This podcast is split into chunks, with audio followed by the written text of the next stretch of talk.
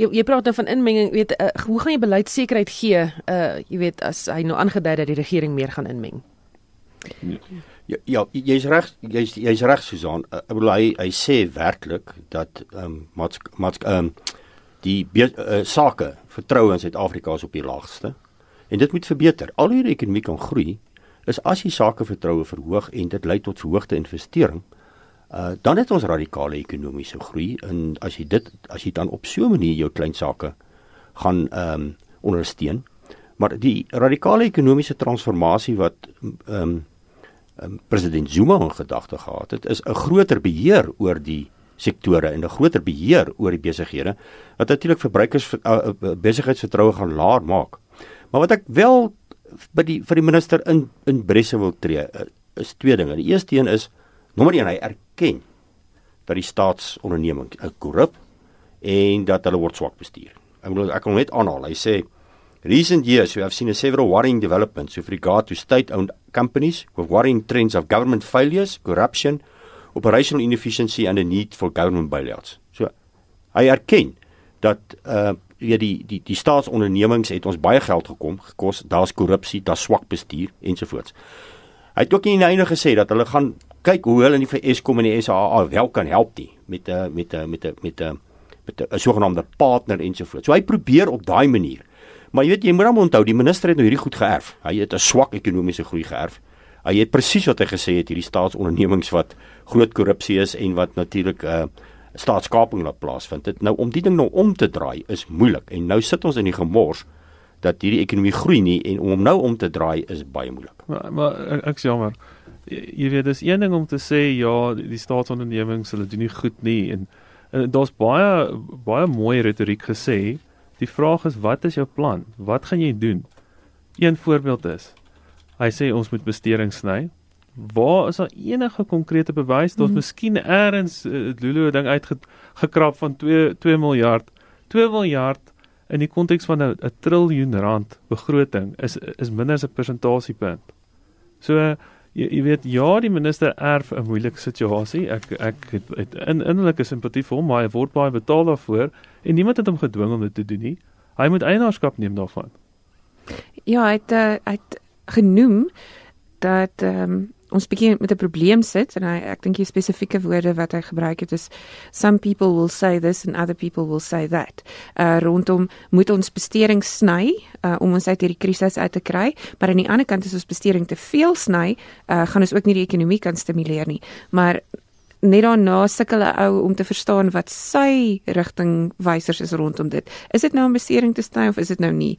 Uh wat is wat is presies die die beleid uh die beleidsraamwerk wat gevolg gaan word? En ek dink dis waar die probleem inkom uh waar 'n klomp van die van die beleggers, kredietgraderingsmaatskappye almal gaan sit en sê ons is nie seker wat jy gaan doen nie.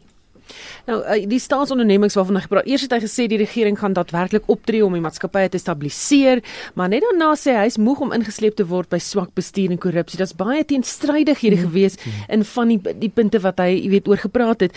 Um Chris, ek, ek weet hy het oor radikale ekonomiese transformasie gepraat en jy was skoon rooi in die gesig toe hy daaroor praat. Mm -hmm. Ja, want ek ek ek bedoel dit is die teenstrydigheid. Ek bedoel ek het nou probeer om te kyk waar ek waar kan die mense die minister punte gee. Jy ten minste erken hulle dat daar daar's groot korrupsie by die staatsondernemings, maar Lulu is is reg, hier is 'n uh, uh, is so groot teenstrydigheid. Radikale ekonomiese transformasie gaan en hy gaan haal wat president Zuma aan wat hy gesê het. En dit beteken dood eenvoudig 'n groot beheer oorneem oor die sektore in die ekonomie en oor die privaat sektor en dat hulle deur hulle aankope van die regering se ehm um, procurement program gaan hulle hierdie ekonomie in 'n rigting stoot sodat meer en meer mense uh, kan deelneem aan die in in die, in die ekonomie met amper sosialistiese benadering. Dan aan die ander kant sê hy ook weer, maar die probleem in die ekonomie is, daar is nie besigheidsvertroue nie. Uh die besighede moet hierdie ekonomie laat groei, dan moet weer beleggings plaasvind ensovoorts. So dis die teenstrydigheid. So, wat is nou radikale ekonomiese transformasie? Is dit die besighede wat moet investeer en wat werk skep en wat die medium en die klein sake ondernemings uh, die ding gaan doen of is dit die staat wat met uh, sy inmenging in al die sektore en nou hulle sien hulle praat van die mynbou mynbou uh, um, handves wat totaal al gemisluk het. So met ander woorde radikale trans ekonomiese transformasie is vir my duidelik, hulle weet presies nie wat is dit nie. Mm. Ja, ek dink ehm um, as mens gaan kyk na wat byvoorbeeld in die mynbousektor gebeur het, uh, die die vlakke van onsekerheid wat daar wat daar is nog steeds rondom beleid. En dit is die grootste probleem. Dis hoekom beleggers vir ons sê, dis hoekom besighede sê, ek is nie op hierdie stadium seker of ek verder in Suid-Afrika wil investeer nie. Um, ons hoor gereeld dat Suid-Afrikaanse besighede sit met fenominale bedrae geld wat hulle iets mee moet doen. En in die tipe van besigheid waar ons is, sien ons ook baie dikwels dat hulle sê maar ons moet buite Suid-Afrika se landsgrense kry. Kyk, en om terug te kom na die klein sake toe. Ehm um, klein sake ondernemings sit met 'n baie interessante probleem. Die prosesse, uh Pietman, is eintlik minder. As 'n mens gaan kyk na die na die ehm um, uh wêreldekonomiese forum se se verslae rondom dit. So ons het reg gekry om die prosesse minder te maak. Ons het dit intedeel gehalveer. Maar op een of ander manier kry ons dit reg om twee keer so lank te vat om dit goed gedoen te kry. Mhm. So dit het skielik verdubbel. Die tyd wat dit neem om daai registrasies en goed te doen, het verdubbel. En as jy met die gemiddelde klein sake persoon praat, sal hy vir jou sê 7 uit my werksdae, wat as jy 'n klein sake onderneming is, is seker 32 dae 'n maand, uh word spandeer daaraan om al hierdie goed te doen wat ek moet doen. So ehm um, ja, daar's sekere stappe wat geneem word, maar die, dit dit gaan moeilik met met die implementering daarvan. Nee, kyk, dit is so die koste om besigheid te doen in Suid-Afrika weet ons is van die hoogste in die wêreld. Hmm. Dit is dit word nie aangespreek nie. Daar word glad nie gehelp nie en dan die arme persone wat nog ehm um, hulle BTW terugbetaal moet terugkry, sukkel hulle mors dood sodat maatskappye gelikwideer word omdat hulle 'n kontantvloei probleem het. Hy het iets genoem dat daar gaan gekyk moet word om hierdie BTW terug te betaal, maar jy kan nie 'n klein sakeman so kontantvloei so gaan benadeel soos wat uh, SARS op hierdie stadium doen nie. En uh so dis kom ek sê, weet, gaan jy nou gaan jy die vertroue van klein sake terugsit en hoe gaan die staat hulle help dat ons daardeur die werk kan skep en die, die ekonomie kan groei kry? Is dit radikaal? Of is radikaal 'n groter inmenging van die staat? Ja, ek sou sê die radikale ding sou wees om net die basiese reg te kry. Jy weet hierdie hierdie ehm um, belofte om binne 30 dae te betaal. Ehm um, ek dink ek het dit al gehoor toe ek op hoërskool was. So uh, jy weet en ek is nie so oud soos wat ek lyk like nie. Hmm. Maar seker, maar ehm um, net om 'n nuwe 'n nuwe uh, item oor te praat, is hierdie ehm um, carbon tax of die koolsuurgas ehm um, mm. wetgewing. Wetgewing daaroor. Jy weet selfde storie.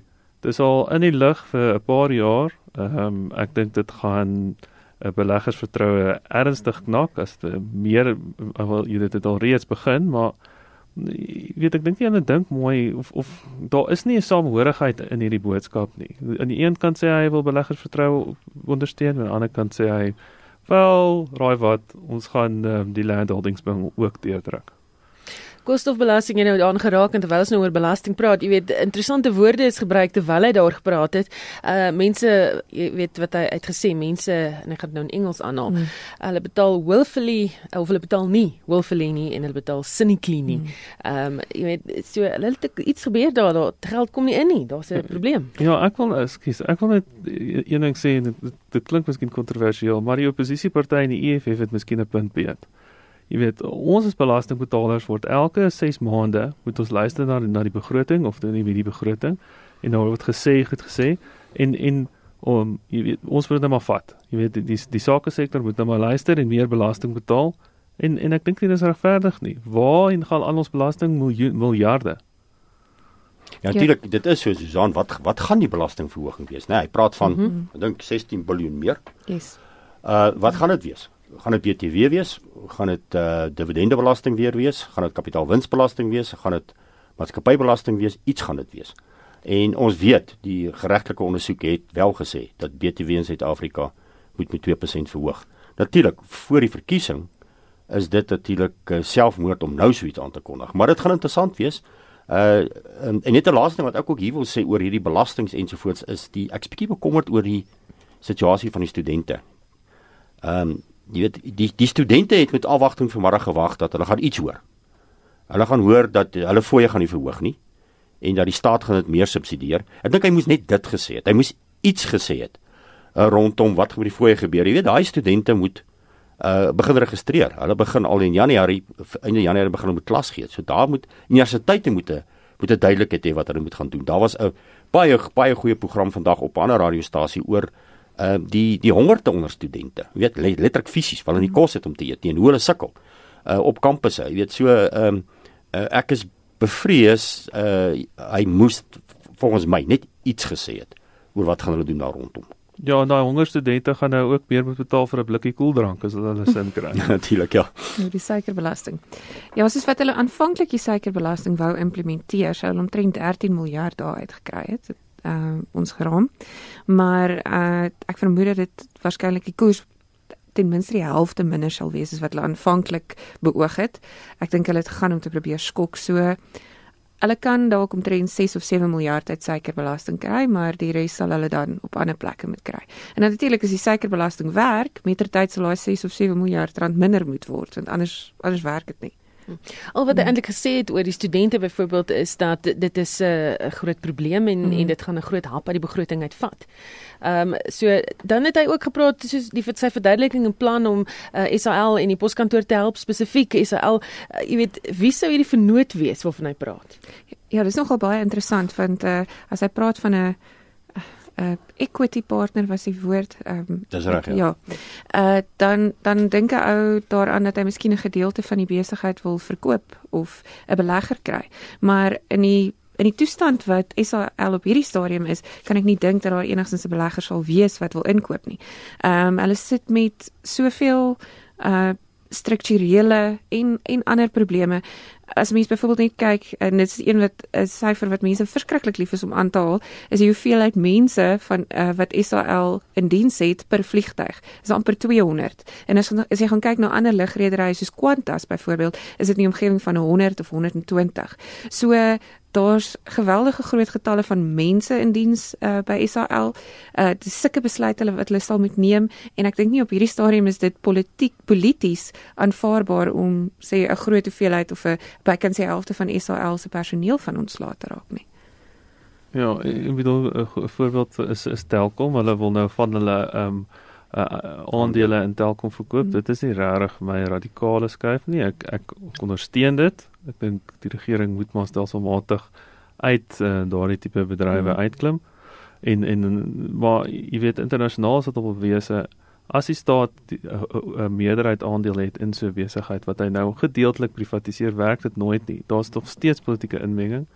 En uh, daar's nog steeds eh uh, kaderontplooiing. So jy, jy weet ek is ook in in daar was al vir lank ook al gepraat oor hoe hulle Israel of Israel wil wil gedeeltelik privatiseer wat gaan jy privatiseer? Watse bates is daar regtig op die boeke? Dit is so, ons weet baie van die vlugtye hier ons. Dis nie besit van die SAL nie. Dan natuurlik oor Eskom, né? Wat hy gesê het hier. Hulle vra ja, in kernkrag. Almal het ja. gewag dat hy iets definitiefs daaroor gaan sê en al wat hy gesê het is hy het aangedring dit gaan voortgaan uh, en dat dit in 'n tempo gaan wees wat ons kan bekostig. En natuurlik uh, hy sê Eskom 'n nuwe raad tot aangestel in November. So weer 'n keer. Mm uh en dat daar gaan daadwerklik uh, teruggerapporteer word op 'n gereelde basis oor waar staan Eskom. So uh, mense moet sien in hoe mate hulle gaan natuurlik ernstig wees oor daai raad en hoe, hoe daai raad natuurlik die uh, Eskom gaan gaan vorentoe vat want ek bedoel ons kan nie weer 'n 20% of 'n 19% toename in elektrisiteitstariewe bekostig volgende jaar nie. Dit dit kan nie nie. Ek bedoel ons sien jy uh, weet een of ander tyd gaan hierdie inflasiekoers van ons op 'n punt kom waar hy gaan begin omdraai en eh, en en en, en as hy eers begin loop kan jy hom nie keer nie. Net so terloops in in in die boerderygemeenskap is wat uit ons uitgesien na 'n wetgewing waar dit sou toelaat dat as jy 'n plaas het en jy 'n wekkrag op met sonkrag, kan jy dit half bank op die Eskom stelsel. Mm. Ehm um, en ons het met die minister gepraat en en, en ons het gesê dit dit dit is dit is dit is amper amper gaan die regulasies deurkom en nou is daar kabinetskuifing weer gewees. So Ons weet nie wat daar aangaan nie en ons het 'n ons het 'n krag uh ons het 'n kragreus wat te veel krag nou nou voorsien. Hulle weet nie eintlik wat hulle met al die elektrisiteit gaan doen nie. Ja, nou as jy mens gaan kyk, ehm uh, verskillende verbruikers wat die meeste oor die laaste paar jaar die meeste toename in hulle elektrisiteitskoste gesien het, is dit in die landbousektor. Mm. Dit was meer as enige van die ander. Almal het uh het toenames gesien, maar die landbousektor definitief die meeste. Dan gebeurlikheidsreservefonds is ook minder gemaak. Wat gaan daaraan? Ja, dis basies ehm um, mense spaargeld as jy nou dink aan jou eie aan jou eie sake en in, in baie finansiële instellings uh en en finansiële raadgewers sal vir jou sê jy moet ten minste 6 maande se inkomste as as so 'n noodfonds hê. Ja. Nou as ons nou dink in Suid-Afrika, ek dink Chris het net nou die sommetjie gemaak, uh daardie noodfonds of uh of die gebeurlikheidsreserve uh gaan nou verminder word na 16 miljard rand. En met 'n begroting van oor 'n um, oor 'n triljoen, ek dink is nou al 1.3 of 1.4 uh triljoen, beteken dit uh dit is omtrent 'n persent. So as jy nou dink dit moet eintlik 6 maande van ons uitgawes wees. Okay, dis miskien 'n bietjie groot vir 'n land, maar dit dit maak 'n mens bekommerd want dit dit was nog altyd ehm um, die die een plek wat 'n bietjie van 'n stabiliseerder kon wees, risiko's kon absorbeer en 16 miljard is eintlik niks. Daar is niks oor daarvan nie. Ja, as iets skielik gaan gebeur, né, dan en dan is daar eintlik niks oor oor oor, oor om op te gebruik nie. Uh en wat ook belangrik is hier is is dat ehm um, die probleem wat hy nou het veral hierdie jaar en volgende jaar met die ekonomiese groeikoers is daar geen kans om dit weer te verhoog nie. Hmm. Ek, ek dink die probleem is ook die moeilike besluite word nie geneem nie. Hmm. Jy weet, ons het nie geld nie, gevat maar so 'n bietjie by die gebeurlikheidsfonds. Die geld nie sit sit die belasting nog so 'n bietjie draai die skroewe nog 'n bietjie stywer. Eerder is om te sê, het ons regtig al die staatsondernemings nodig? moet ons hulle aanhou betaal. Daai daai tipe vrae uh, feature glad nie in in in hierdie uh, speech nie. Hy het ook gepraat oor spandering munisipaliteite, korrupsie in munisipaliteite en dat dit beter bestuur sal word, maar weer eens geen definitiewe planne nie. Ja, weer eens bestuur, Gavin. dit is die dis die wagwoord gewees en ehm um, as tot op hede ehm um, dit nog nie kon gebeur nie, kan ek nie sien hoe dit maklik in die toekoms gaan gebeur nie. Uh, daar sal tensy daar regtig daadwerklike veranderinge is. En as 'n mens gaan kyk na tendense rondom ehm um, rondom besteding wat 'n uh, nuttelose besteding, vrugtelose besteding en ehm um, en korrupsie is die probleme by die munisipaliteite. Die grootste gedeelte van die geld wat in die begroting is, gaan nie na die nasionale regering toe nie. Dit gaan na die provinsiale regeringsvlakke toe en ook dan na munisipale regerings toe, want dit is waar die dienste gelewer moet word. En dit is waar dinge eintlik verkeerd gaan. En en heeltemal soos wat Pietman sê, geen definitiewe besluite om te sê wat ons gaan doen om dit te verander nie. Ek wil vir jou ook vra Lulu, toe die syfer 50,8 miljard genoem is 2017-2018 het jou oë groot gereg. Ja, dit was selfs meer as wat ek verwag het. Ek het gehoop dit gaan iewers tussen 40 en 50 wees, maar daar's net daardie halwe sielkundige vlak rondom 50 oor die 50 miljard ehm um, wat ons iewers vanaand af sal moet kry. Ons is gewoond daaraan dat dit miskien 15 miljard is of 10 miljard, dis waarin ons gewoond geraak het. En dan boonop uh, die ander syfer wat vir my skokkend is, is om te sien dat die verwagting is dat staatsskuld wat ons gedink het gaan stabiliseer rondom net bokant 50% van BBP uh, eh, na 60% van BBP toe gaan gaan uh, teen 2020. En ehm um, weer eens beteken dit dat 'n uh, rente wat ons op hierdie skuld moet betaal is die enkele grootste uitgawe item in die in die begroting. So dit is geld wat in die water gegooi word. Susan, ja, dit dis waar. Ek bedoel dit was 'n skoksyfer. Ek bedoel dit is maklik om dit uit te werk. As jy aan die begin van die jaar sê die ekonomie groei teen 1.2 en hy groei net teen 0.7, dan is dit logies. Jy gaan nie daai daai belastinginkomste kry nie. Nou hierdie skuldvlakke van 60%, weet ek is nou 'n markekonoom, so ek kyk onmiddellik wat doen die mark en mense vergeet die slim syfer. Die R1.8 sê staatseffek. En hoe lyk hy het vanmôre gegaan hierso van 8.8 na oor die 9%. Beteken net dit kos die staat 2 oor die 2% vanmôre duurder net om sy skuld te dien. Weet, ehm um, so so so so dis hoe die mark reageer en ons weet dat die kapitaalmark is groter as die aandelemark. En en die een rede hoekom die rand vanmiddag verswak het, buitelanders het restasie-effekte verkoop. Iets moes gebeur het dat die rand verswak het. So hulle hulle het nie aandele verkoop vandag nie. Ons aandelemark het baie goed gedoen vandag behalwe in die, in die finansiële aandele sektor, maar dis nou was om waar jou kapitaalmarkinstrumente ensovoorts 'n rol speel. So ek dink die buitelanders se oorrek op daai twee syfers. Mhm. Mm die tekort en die skuld. Ja, ek wil ek wil net konteks gee vir vir hoekom ehm um, daar daar so 'n groot mate van frustrasie is uh, in in die vertrek. Ehm um, die land Suid-Afrika is die aandeelhouers uh, in hierdie tesorie. Uh, en hierdie is eintlik soos die interim resultate van maatskappy. Nou ek was nog nooit by 'n stel interim resultate waar die uitvoerende hoof sê luister dit gaan sleg, maar ons gaan goed doen. Kyk, ons gaan goed doen, maar maar gaan julle meer detail gee volgende jaar nie. Ons wil nou hoor wat gaan aan. Ons het nou rigting nodig. Ehm um, deur te sê jy weet weet jy wat dinge moet gebeur, dit dit help niemand nie. Hier is 29 bladsye van 'n toespraak wat eintlik bitter min leiding gee. Laastens, laastens, uh, wat dink jy gaan graderingsagentskappe doen vanmiddag? Wie hierna? Jong, ek dink hulle gaan 'n baie harde kyk hê en hulle gaan sê hoekom moet ons nog belê in Suid-Afrika? Wat is daar wat is daar in Suid-Afrika wat ons met met risiko en opbrengs daai daai twee balanseer? Is dit hoekom het ons dit hierso sit? Daar's baie ander jurisdiksies wat baie meer stabiel is en waar daar eintlik beleidsleiding baie meer duidelik gedoen word.